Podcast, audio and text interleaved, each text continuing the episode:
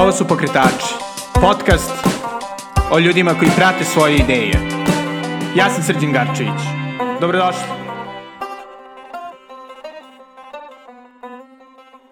Ćao! U ovoj epizodi Pokretača gosti Miodrag Miki Ninić.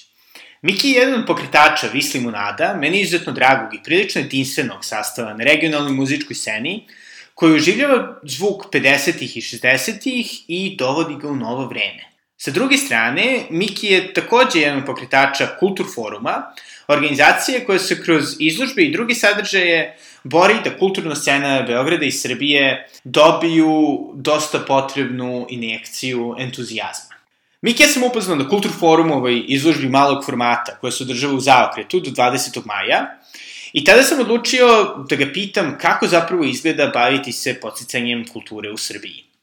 Naš veoma sadržajan razgovor sam morao da destilujem u malo više od pola sata priča o tome zašto Vis Limonada nije nostalgični bend, zašto Bund možda nije najsvrsishodniji način menjenja društva i kada je vreme odustati od sobstvenih projekata. Nadam se da ćete uživati u našem razgovoru. Zapravo, hteo bih da, da krenem sa intervjuom koji je Vis Limonada u širem sastavu, ne samo ti Viki, da. ove, ovaj, dala za Before After, gde ste rekli kako je cela koncepcija ne toliko neka nostalgija, koliko pokazivanje nekih stvari za koje vi smatrate da su pozitivne. Da, to je nešto što uh, nas prati, ja mislim nekako od samog početka. Uzeli smo da radimo prepeve nekih numera i tako dalje, pre nego što smo počeli da pravimo neke naše autorske pesme. E, to je onda nekako bilo, čini mi se, najjednostavnije medijima da, da se vežu za to nostalgija, retro, romantika, vino i gitare.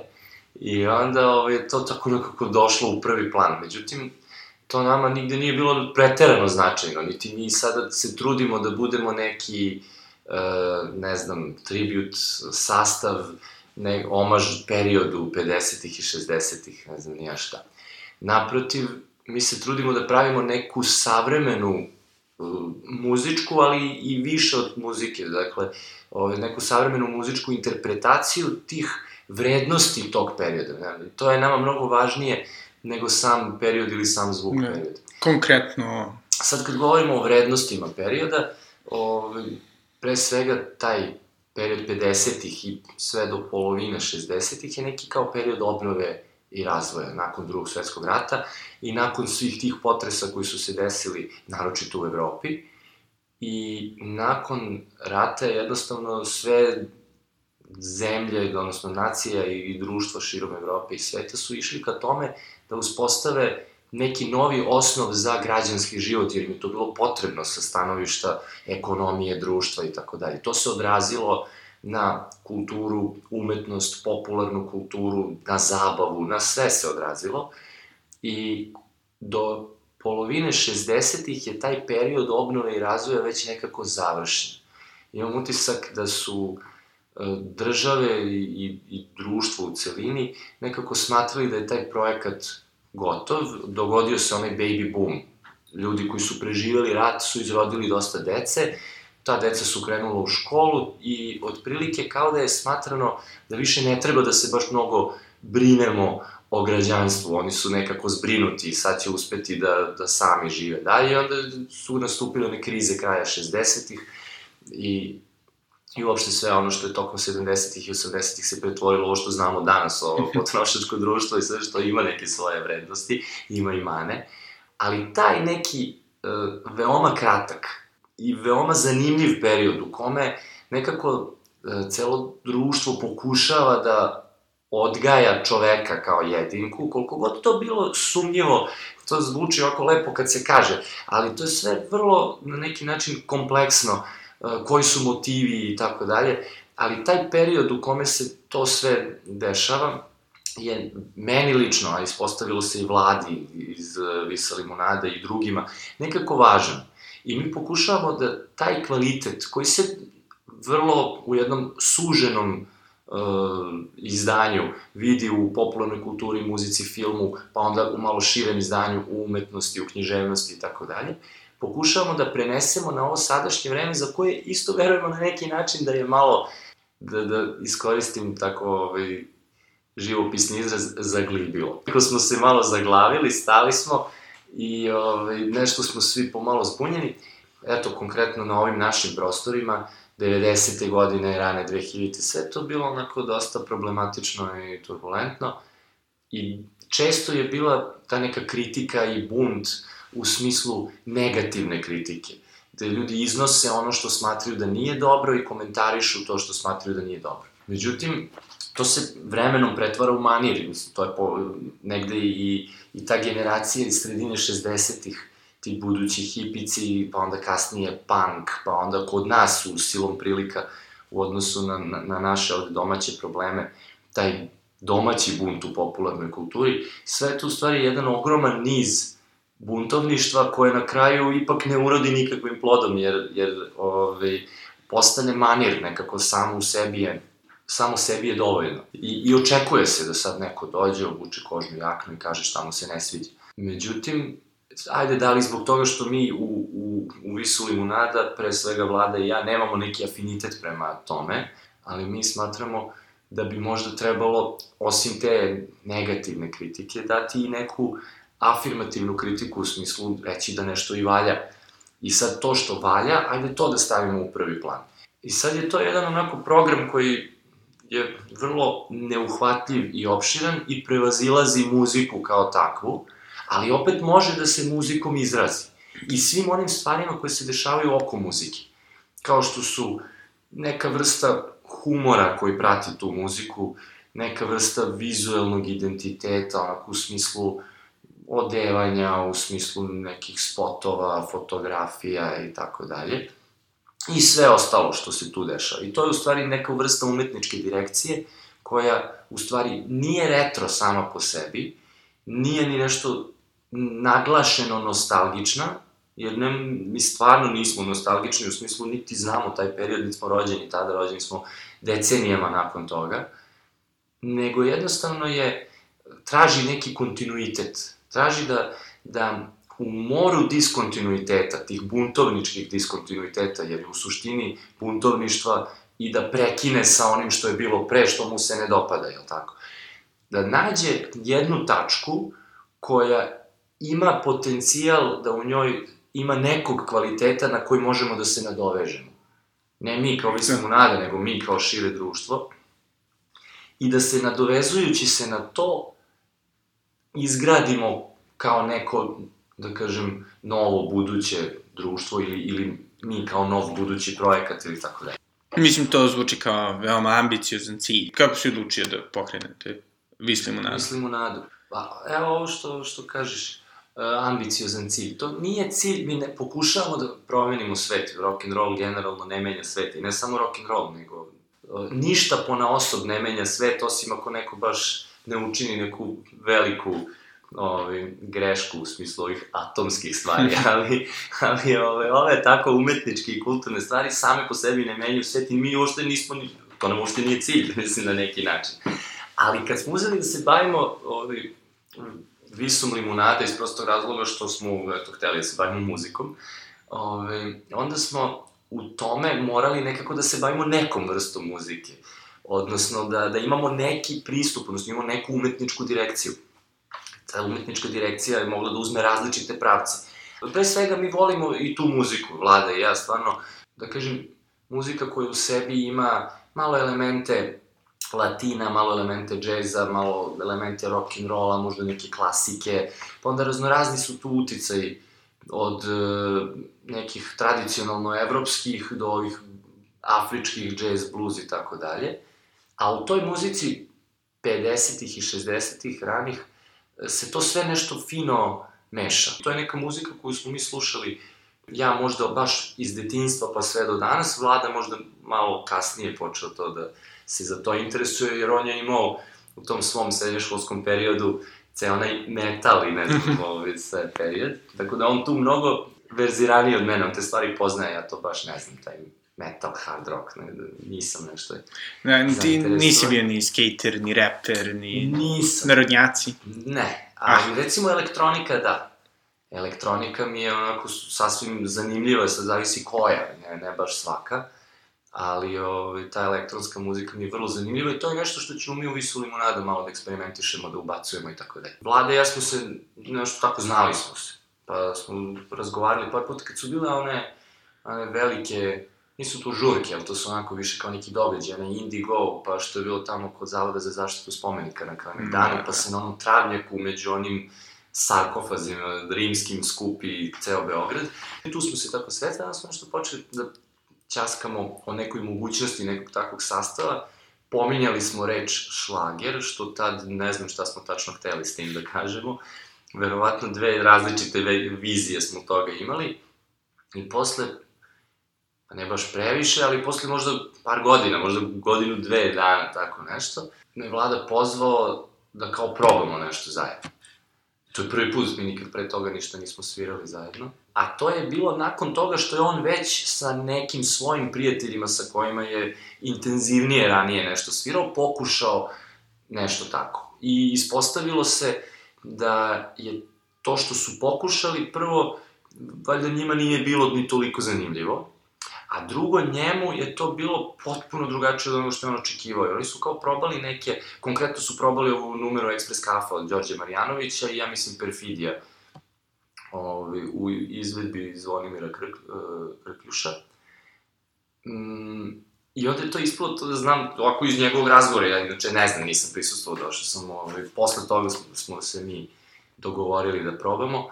Ovaj, ali znam da je njegov utisak sa toga bio kao da se svira neki hard rock, ono nešto. Sad, a nije tako, nije, nisu, niti su takve harmonije, niti su takve melodije, niti takav treba da bude e, generalno karakter izvedbe, nego prosto nisu znali kako da pristupe problemu sviračkom, kako da uzmu to, da obrade taj materijal koji, koji bi trebalo da izvedu. I, i to je onako ispalo dosta frustrirajuće, valjda, za celu tu ekipu koja se sastavila, onda su jednostavno odustali od toga. Pa onda vlada pokušao da nađe neke ljude koji bi stvarno mogli to da rade. I onda se ispostavilo da smo se tu nešto našli, probali, to nije bilo toliko loše, ali bilo strašno teško, recimo ja znam, meni je konkretno ta Express Cafe i Perfidija, ja to nisam imao pojma kako da pristupim tome uh, u smislu pevanja, da li da to da li da se mi tu malo šalimo, pa da to bude malo ironično, pa da taj vokal bude tako malo, kao, kao da se šalimo na račun šlagera, u smislu malo da ga nekako iskarikiram, ili da bude, da pokušam da dobijem taj šlagerski vokal, ili da probam da pevam nešto sad treće, ali šta je to treće, nemam pojma. Na kraju mislim da je u perfidiji to isputa i neki uh, šlagersko-omladinski vokal. To, ne znam kako to da uopšte ovaj, definišem. Uh, šlagerski vokali, to su onako, to su ozbiljni pevači, mislim, da ne kažem da su maltene poluoperski pevači, ali ozbiljni pevači i školovani i stalno su bili u treningu i, i to je neka vrsta pevanja koja tako zahtevna. To je nešto što danas redko ko na ovoj popularnoj sceni radi. Ima ljudi koji koji to rade, to su uglavnom možda pre pevačice nego pevači i ovaj, školovani ljudi. Mi, ja nisam, mislim, ja sam završio arhitektonski fakultet i sad je to trebalo nekako usaglasiti sve. Ta perfidija je malo otpevana, tako da kažem, više verno o tom originalnom načinu kako se to radilo, a opet malo sa nekim eh, teenage prizvukom od, od te popularne muzike, a Express Kafa je, ovaj, malo, malo sam pokušao da je nešto tu, da kažem, intervenišem u tom vokalu, jer i Đorđe Marjanović to peva na neki svoj način, koji je, ovaj, tako, isto malo, isto malo izlazi van okvira tog šlagira, kako bi to trebalo da bude. Ove, ovaj, I eto, ko, i tako smo se polako tražili, snalazili. E, sad smo konačno već znamo šta radimo, mislim, to je, to je strašno dug period bio. Onda su počeli da dolaze neki novi članovi, pa da se menjaju članovi. Pa svako je trebao da savladava sve to, ove, tu ekspresiju. Jer u stvari ima uh, ono što treba da se odsvira, ima ono što treba da se otpeva i postoji aranžman, postoji neki ajde, u snimku na kraju i miks, ali postoji neka vrsta ekspresije koja treba da se prenese publici, koja može da bude i ovakva i onakva. Da. I to je u stvari najosetljiviji moment. Jer to može lako da ode u parodiju i u neku vrstu kreveljenja i podsmevanja. Može da ode i u neku vrstu tako uh, lakomislene komedije koja je tako nebitna i izvođačima i publici. Može da ode u neku vrstu prenemaganja. Zato sad ovako kad nabrajam, sve mi u glavi idu slike različitih Situacija kada se to desilo. situacija kada se to, pa dobro, ja ne bih volao da verujem da se to nama i nije dešavalo, ali bukvalno situacija nekih ono izvođača poznatih, stranih, domaćih, svejedno koje znam, koji, koji nekako onako, kad, kad slušam pa pomislim, kažem, e, ovo bi mogli ovako da radimo ili ovo nikako ne bi smeli ovako da radimo. Prosto mi padne na pamet, ono. I to su, to je, to je čitava lepeza od najozbiljnijih i najkoncentrisanijih, što isto može da ode u neku vrstu karikiranja, do najneozbiljnijih i, i najlakomislenijih. I sad, to, sad se tu treba naći, to je to. Da. Mada ono što, što nekako mislim da je možda glavna razlika između pop kulture tada i pop kulture sada, je taj neki e, nedostatak ironije. Mislim, dosta tih pesama su onako prilično, ajde da kažemo, naivne, onako veoma otvorene, što je nekako prilično drugačije od, od pesama sada koje su ili uglavnom ono tužne i ono neko nezadovoljstvo ili opet s druge strane neko autoironisanje ili ironisanje. Kako, kako uspevate da, da to ono, Da sačuvate? Kako dobiješ taj feel? Zanimljivo, evo, baš sad u ovom trenutku čitam ovu knjigu, uh, mi- mislim da je autor Ian MacDonald, knjiga se zove uh, Revolucija u glavi, uh, kroz, pe, odnosno period 60-ih kroz pesme Beatlesa. Ali stvarno je zanimljivo, znači taj moment humora i ironije jeste nešto novo što je ušlo u, u muziku, popularnu muziku, baš tada, početkom 60-ih. Kroz eto, verovatno ne samo, ali možda najviše kroz Beatles. A onda vremenom su počeli da, Da. da komentarišu dnevne stvari. I to sad kroz, to je ono kad polovina 60-ih do kraja 60-ih, sad tu već dolaze i neke pesme koje su čak malo i politički angažovane i tako dalje. Kroz tu karijeru Beatlesa, kroz tu knjigu, do toga smo Da, počeli, da. Ove, nekako se vidi manje više i, i ostatak tog šlagera i rock'n'rolla, kako se od radio muzike i od Tim Panelija i takvih kompanija, kao što su i Radio Beograd i Radio Zagreb, donosili te italijanski hitove sa San Rema, prepevavali na srpsko-hrvatski jezik, puštali na radio i tako dalje, dolazi se kroz ono, tornado tog rock'n'rolla koji je nastajao u svetu i, i koji se i kod nas malo nešto čuo, dolazi se do tih nekih ono, sad već potpuno drugačijih pesama i, i autora, koji sad direktno komentarišu, ljuti su, besni su, to su raznorazni pankeri kod nas, ne znam, Riblja Čorba 80-ih, koji tamo nešto komentarišu na račun e, vlasti, režima, ne znam, i tako, i ne samo oni, raznorazni drugi, neki skriveni tekstovi u... Da. u- Subverzije. subverzije i tako dalje, što je sve, sve je to u redu, ali mi, odnosno, eto,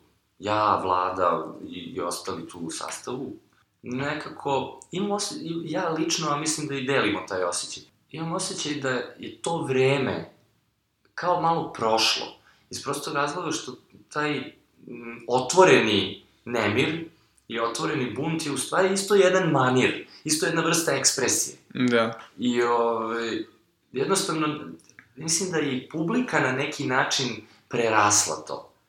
Nekako je publika sama shvatila da to što tamo neko komentariše neku dnevno političku temu, ove, neće stvarno da promeni svet, a postoji toliko toga u životu i uopšte u, u svakodnevici ljudskoj, o čemu vredi razgovarati. Možda čak mnogo više nego o nekom dnevno-političkom događaju i sad ga iskritikovati tamo preko neke pesme ili nekog umetničkog dela.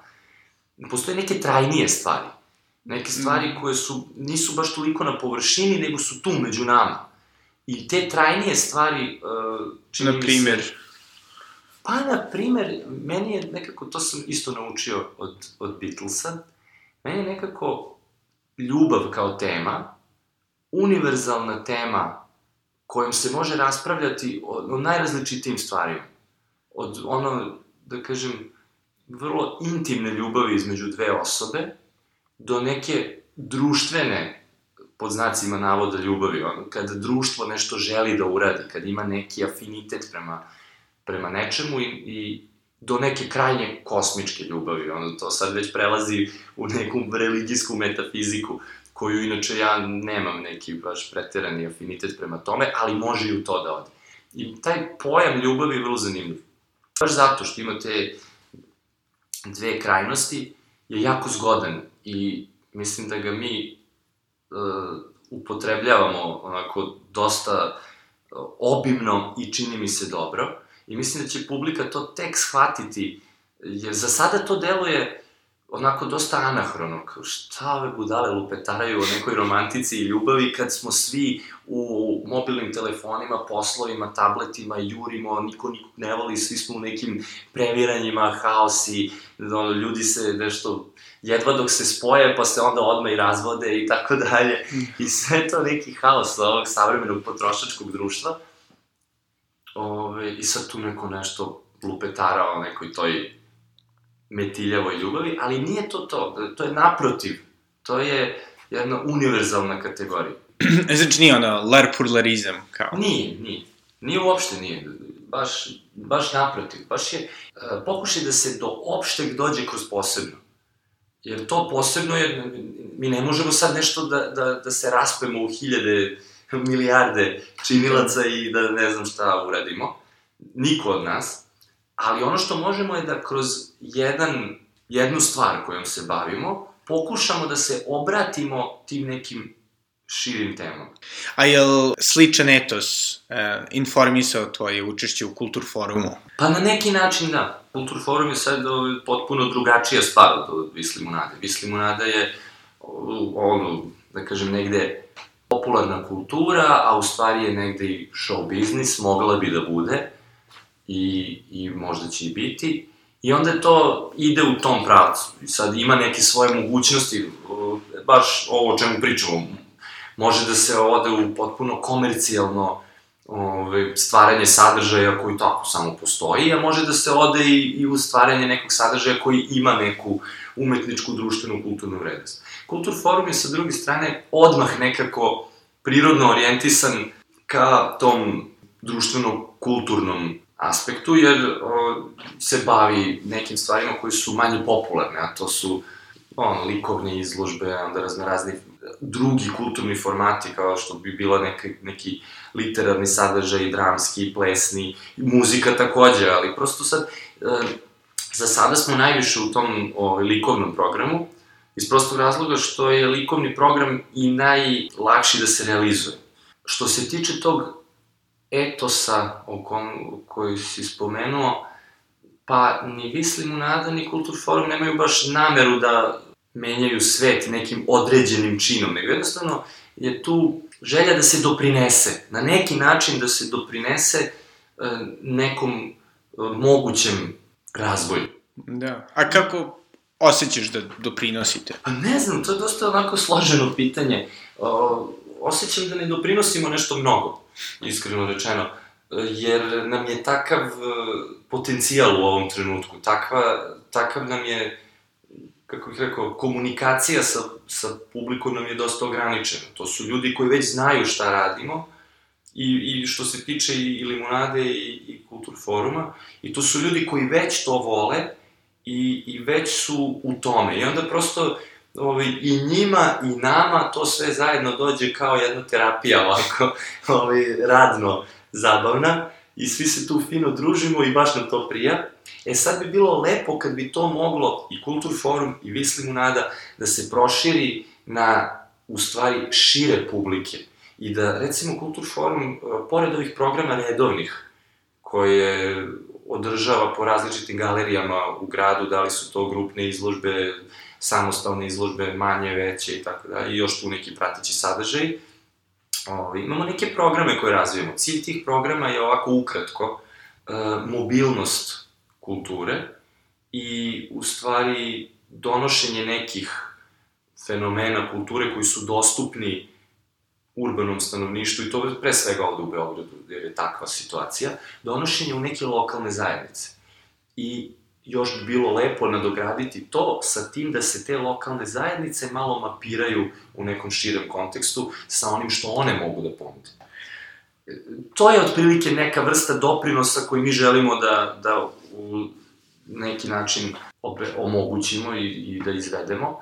A što se tiče Visli Munade, ne postoji beneficijar u projektu, jer ne postoji ni projekat, nego postoji nešto što se radi, ali što može, ja se nadam, da postane pre svega jedna onako prijatna stvar koju ljudi vole, kao što ja volim Beatlese pa će neko da voli limunadu, mislim, u tom smislu, ali može da postane i stvar koja mogla da postakne na različite stvari. Da, kroz reference i kroz, kroz neku estetiku. Kroz da. neku, pa eto, i to jeste neki efekat koji muzika može da ima, odnosno neki efekat koji može da ima Vis limunada. Pa da. sad ukratko, Kultur Forum ima taj malo jasniji projektni uh, rezultat, a Vis limunada ima taj kao malo manje definisan, ali možda širi inspirativni rezultat. Da.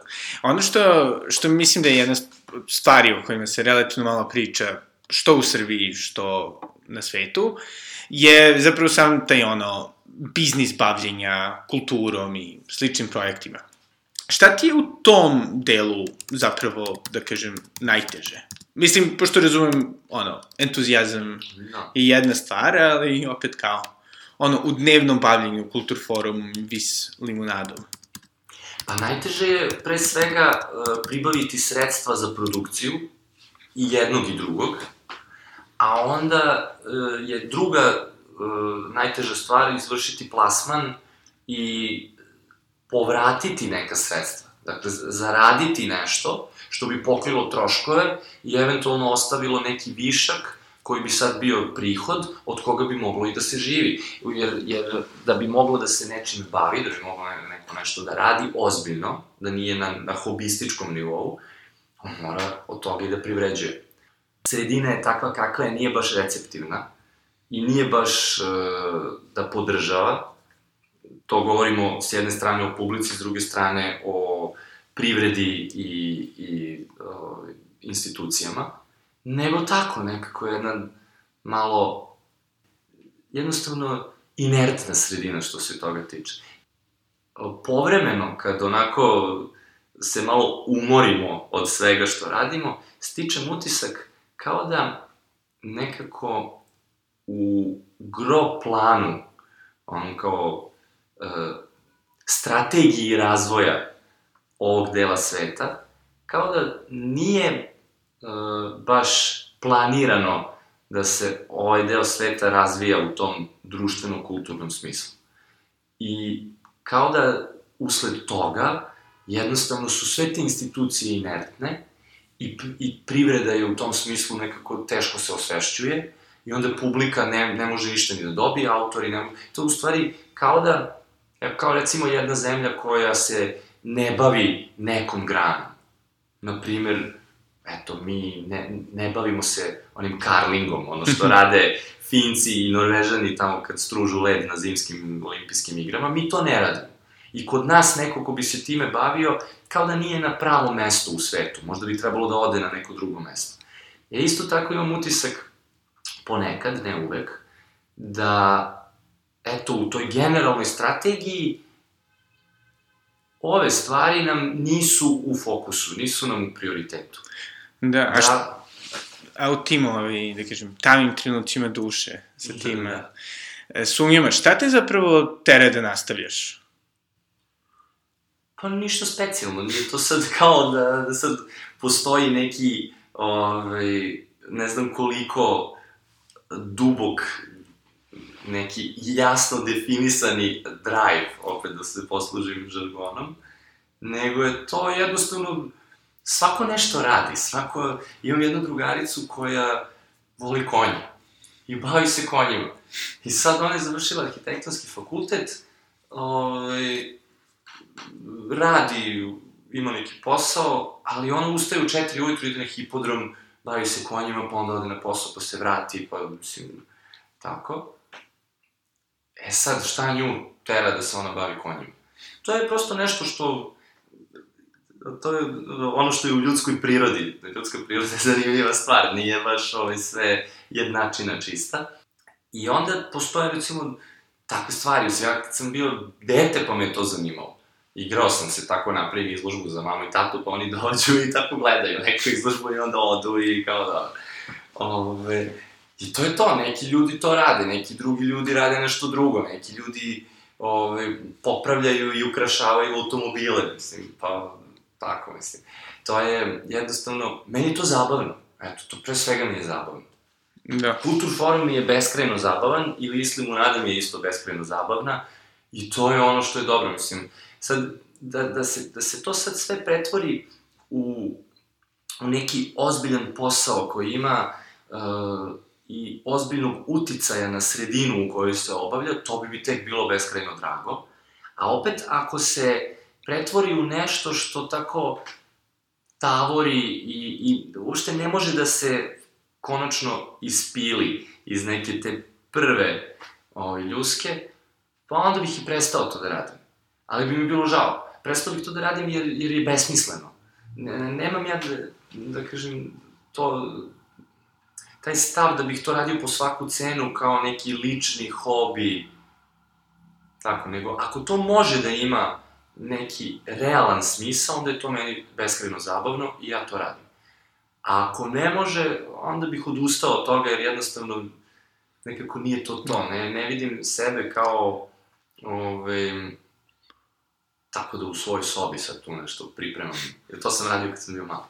Ali ovako, trenutno to delo je dosta perspektivno. Mislim, nešto se tu dešava, postoji neka publika, postoje ljudi koji to cene, postoje saradnici koji to takođe cene, vrlo često publika postaju saradnici, saradnici postaju publika, to se sve tako meša, zato što je to taj mali beogradski krug. E sad, kad bi to preraslo šire, to bi onda možda malo promenilo prirodu tog posla, ali bi ga učinilo jačim, boljim, kvalitetnijim i tako dalje, i tome i težimo.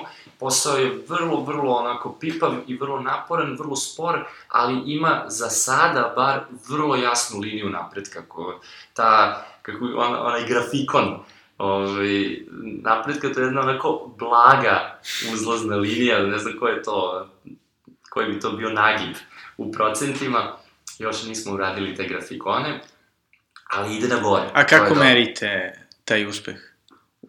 Pa merimo sa jedne strane po uh, količini publike, po interesovanju, po, po količini saradnika. Jer to isto i po karakteru saradnika.